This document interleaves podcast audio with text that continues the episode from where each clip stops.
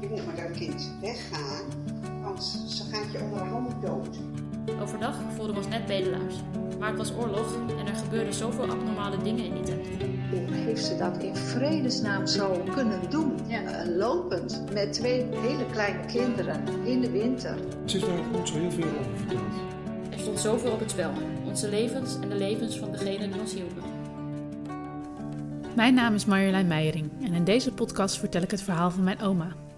Welkom bij Van Rotterdam naar Koevoorde. 5 maart 1945. Het is de derde dag in Hattem. Dat is helemaal niet de bedoeling, want mijn oma, Jans en Ati hadden gehoopt om gisteren al over de IJssel te komen. Maar dat is niet gelukt en daarom moeten ze deze dag gebruiken om uit te zoeken hoe dat dan wel moet gaan lukken. Gelukkig krijgen ze ook hier weer hulp van de familie in Hattem. Oma schrijft: Onze nicht en neven hebben voor ons geïnformeerd en de uitslag was dat we de volgende dag 's morgens vroeg naar de Homoed moesten lopen als het nog donker was, naar een familie De Haan, vroegere buren van de familie Van der Worp. De familie De Haan hadden weer bekenden aan de overkant van de IJssel, de familie Westra. Die familie had een grote roeiboot en meneer Westra roeide veel mensen over de IJssel. De IJssel is daar nogal smal. Het streekarchief en wat lokale mensen uit Hattem weten mij te vertellen dat de Homoed hetzelfde is als de Hoenwaard. En dat is een grote uiterwaard zuidoost van de binnenstad van Hattem. En vandaar kun je inderdaad oversteken naar Windesheim. Dat is naast de hogeschool een kleine buurtschap onderaan Zwolle Zuid. En aan het eind van de Hoenwaardse weg, tegenover Windesheim, daar moet mijn oma dus gaan oversteken. Illegaal, in een roeiboot. Het is dus wel begrijpelijk dat ze die nacht niet heel best slapen. Er zijn heel wat persoonlijke gebeden gedaan in de oorlog, maar die avond wel in de zon. Er stond voor ons zoveel op het spel. Onze levens en de levens van degenen die ons hielpen. Die nacht hebben we niet zo best geslapen, in spanning voor de volgende dag. En toen konden wij ook, clandestien, konden we ook eh, doodgeschoten worden. Met een. Mijn oma zegt het hier in een bijzinnetje. We konden ook doodgeschoten worden met de kinderen. Omdat ze clandestien de IJssel overgaan. Dit soort dingen heeft ze niet in het boekje opgeschreven, maar zegt ze wel op de videoopnames. Ik vind dat zelf nog steeds een beetje bizar, want het lijkt me juist iets wat je opschrijft in zo'n boekje. Maar goed, we hebben het al eens eerder gehad over de zakelijkheid of de nuchterheid waarmee ze dingen opschreef. En dit soort dingen horen daar dan blijkbaar niet bij. Die emoties schreef ze inderdaad niet op, zegt tante Meta. Het is gewoon zo opgeschreven eigenlijk door mama, maar de emoties komen niet erg hier naar voren. nee, dan zie je af en toe een beetje zo Ja, tussendoor. eh, maar reken maar dat, dat ze dat dat is vreselijk. wel af en toe, eh, dat ze dat wel vreselijk gehuild hebben. En juist doordat ze waarschijnlijk met drie vrouwen waren, dat ze zich ook flink konden houden Ja. met z'n drieën. Dat denk ik wel, dat dat wel heel erg geholpen heeft.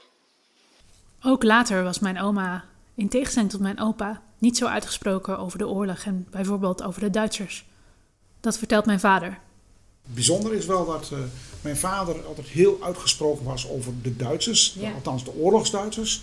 Terwijl mijn moeder daar veel milder over was of nooit zoveel over zei. Dus mijn vader had heel veel eh, over de Duitsers dit, en moffen dit moffen, en moffen ja. dat.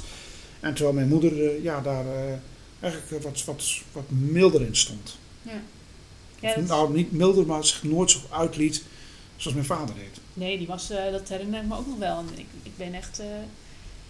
Ik schrok daar in het begin ook wel van. Ik dacht zo, dat zit nog vrij diep, eh, zo Ja. lang, eh, zoveel jaar na dato. Ja, terwijl we altijd wel, eh, ook eh, zoveel jaar na dato, altijd eh, vlakbij eh, Duitsland hebben gewoond. En mijn ouders ook al in Duitsland op vakantie gingen. eh. dus ja, dat, ja, maar dat zijn weer andere Duitsers dan, zei mijn vader. Dit zijn niet de oorlogsduitsers. Nee. Ati Kalkman, de moeder van Jos, heeft wel een vrij sterke mening over de Duitsers tijdens de oorlog. Maar, ze- maar ze had wel een enorme antipathie tegen de Duitsers, want ze noemt zich ook hierin monsters. Omdat zij natuurlijk. dat heb ik dan niet gelezen. Ja, dat zij op een gegeven moment zegt ze, het zijn, het zijn eh, voor haar waren het gewoon ook monsters, omdat ze natuurlijk haar verloofde hadden afgenomen. Ja. En, en, en dat is. eh, dus ja, zo keek ze later niet meer hoor, maar, maar weet je, op toen op dat moment, ja, dan is het. eh, We hebben in een van de eerdere afleveringen alles iets gehoord over de verloofde van Ati. Mijn oma zegt daar het volgende over. Wederom, dit staat niet in het boekje, maar zegt ze wel op de videoband. De dames die met mij meegegaan zijn, waren Jans Kok Kalkman. Haar man werkte in Duitsland en ze hadden nog geen kinderen. En haar zus, Ati Kalkman, die haar verloofde ook in Duitsland werkte. en die nooit teruggekomen is. En dat verhaal klopt, zegt Jos. Ja, toen in de Tweede Wereldoorlog was zij verloofd met, met iemand, die, die heette Jan Lodder. En Jan Lodder die was, uh, zoals ver naar gegaan, en mijn zus ook, die was die verpleger bij Meer en Bos, dat is in, in, het westen. En die werd toen opgeroepen voor, voor die, als dienstplichtig uh, militair. Volgens mij was hij toen ook, al, ook verpleger in het leger. Maar die is uh, omgekomen bij een gevecht in, bij de Grebbeberg. Toen, ja. toen de Duitsers binnenkwamen. En dat, dat is natuurlijk uh, voor mijn moeder ook dramatisch geweest ook. Hè, want zij was toch op 22, 23. Dat voor haar was het in ieder geval heel moeilijk dat zij natuurlijk iemand verloren was of niet terug was gekomen. Ik heb nog gekeken of ik iets kan vinden over deze man. De verloofde, van wie Ati nog niet weet dat ze hem nooit meer zal zien als ze met de tocht meegaat. Maar er zijn zo verschrikkelijk veel mensen omgekomen bij die Grebbeberg dat het geen doen is. Het is al eens eerder genoemd, maar het is heel fijn dat mijn oma dit allemaal heeft vastgelegd. Dat heeft ze dus gedaan halverwege de jaren tachtig. Mijn vader, Wim, vertelt over het ontstaan van het boekje en het aanbieden ervan. Ja, verder is het natuurlijk wel een, uh, goed dat ze dit vastgelegd heeft. Want ja, anders dan verdampt het verhaal en dan weet je niet meer hoe het zit. Nu, wat jij nog doet, kun je nog nazoeken hoe nog de omstandigheden waren. Maar als je geen boek aan gaat, had je dit nooit kunnen doen. Nee, dit is niet, dat was ook niet te doen geweest. Of een boekje tenminste.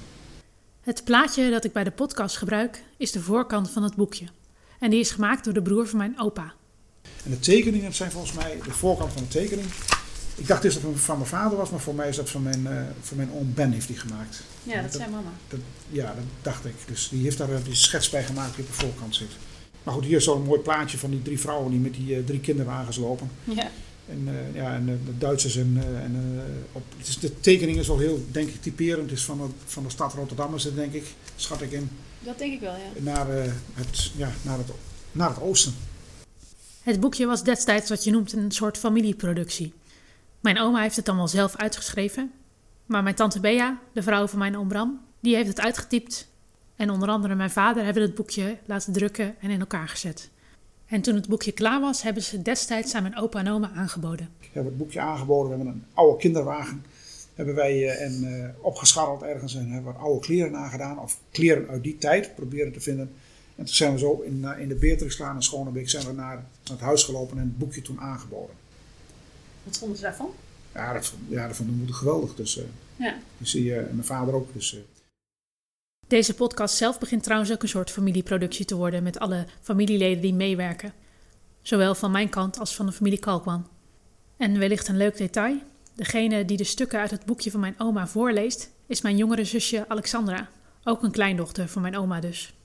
Morgen, op 6 maart 1945, gaan mijn oma, Jans en Ati dan weer verder met de tocht en hopen ze over de IJssel te komen. En hoe dat ging, hoor je in de volgende aflevering van Van Rotterdam naar Koevoorde.